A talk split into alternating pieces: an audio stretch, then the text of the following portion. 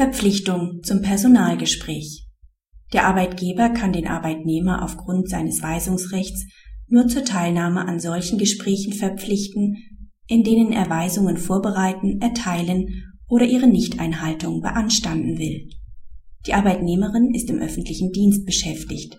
Für das Arbeitsverhältnis gelten die Vorschriften des Bundesangestellten-Tarifvertrags.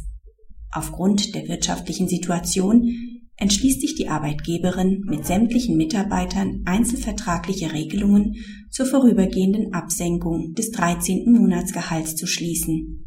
In diesem Zusammenhang versendet die Arbeitgeberin an die Mitarbeiter schriftliche Einladungen zu einem Personalgespräch in Anwesenheit der Mitarbeitervertretung im Büro des Personalleiters.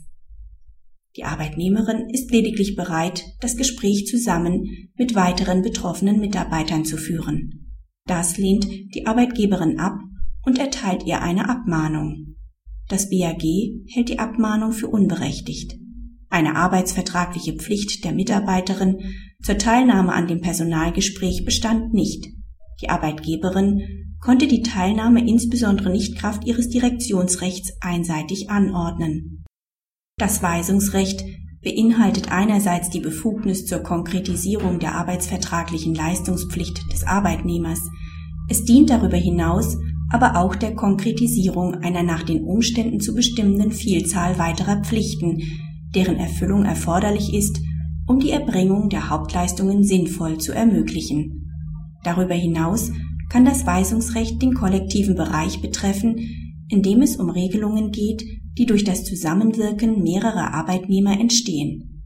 Soweit einer der genannten Bereiche betroffen ist, kann der Arbeitgeber dem Arbeitnehmer auch mündliche Weisungen erteilen.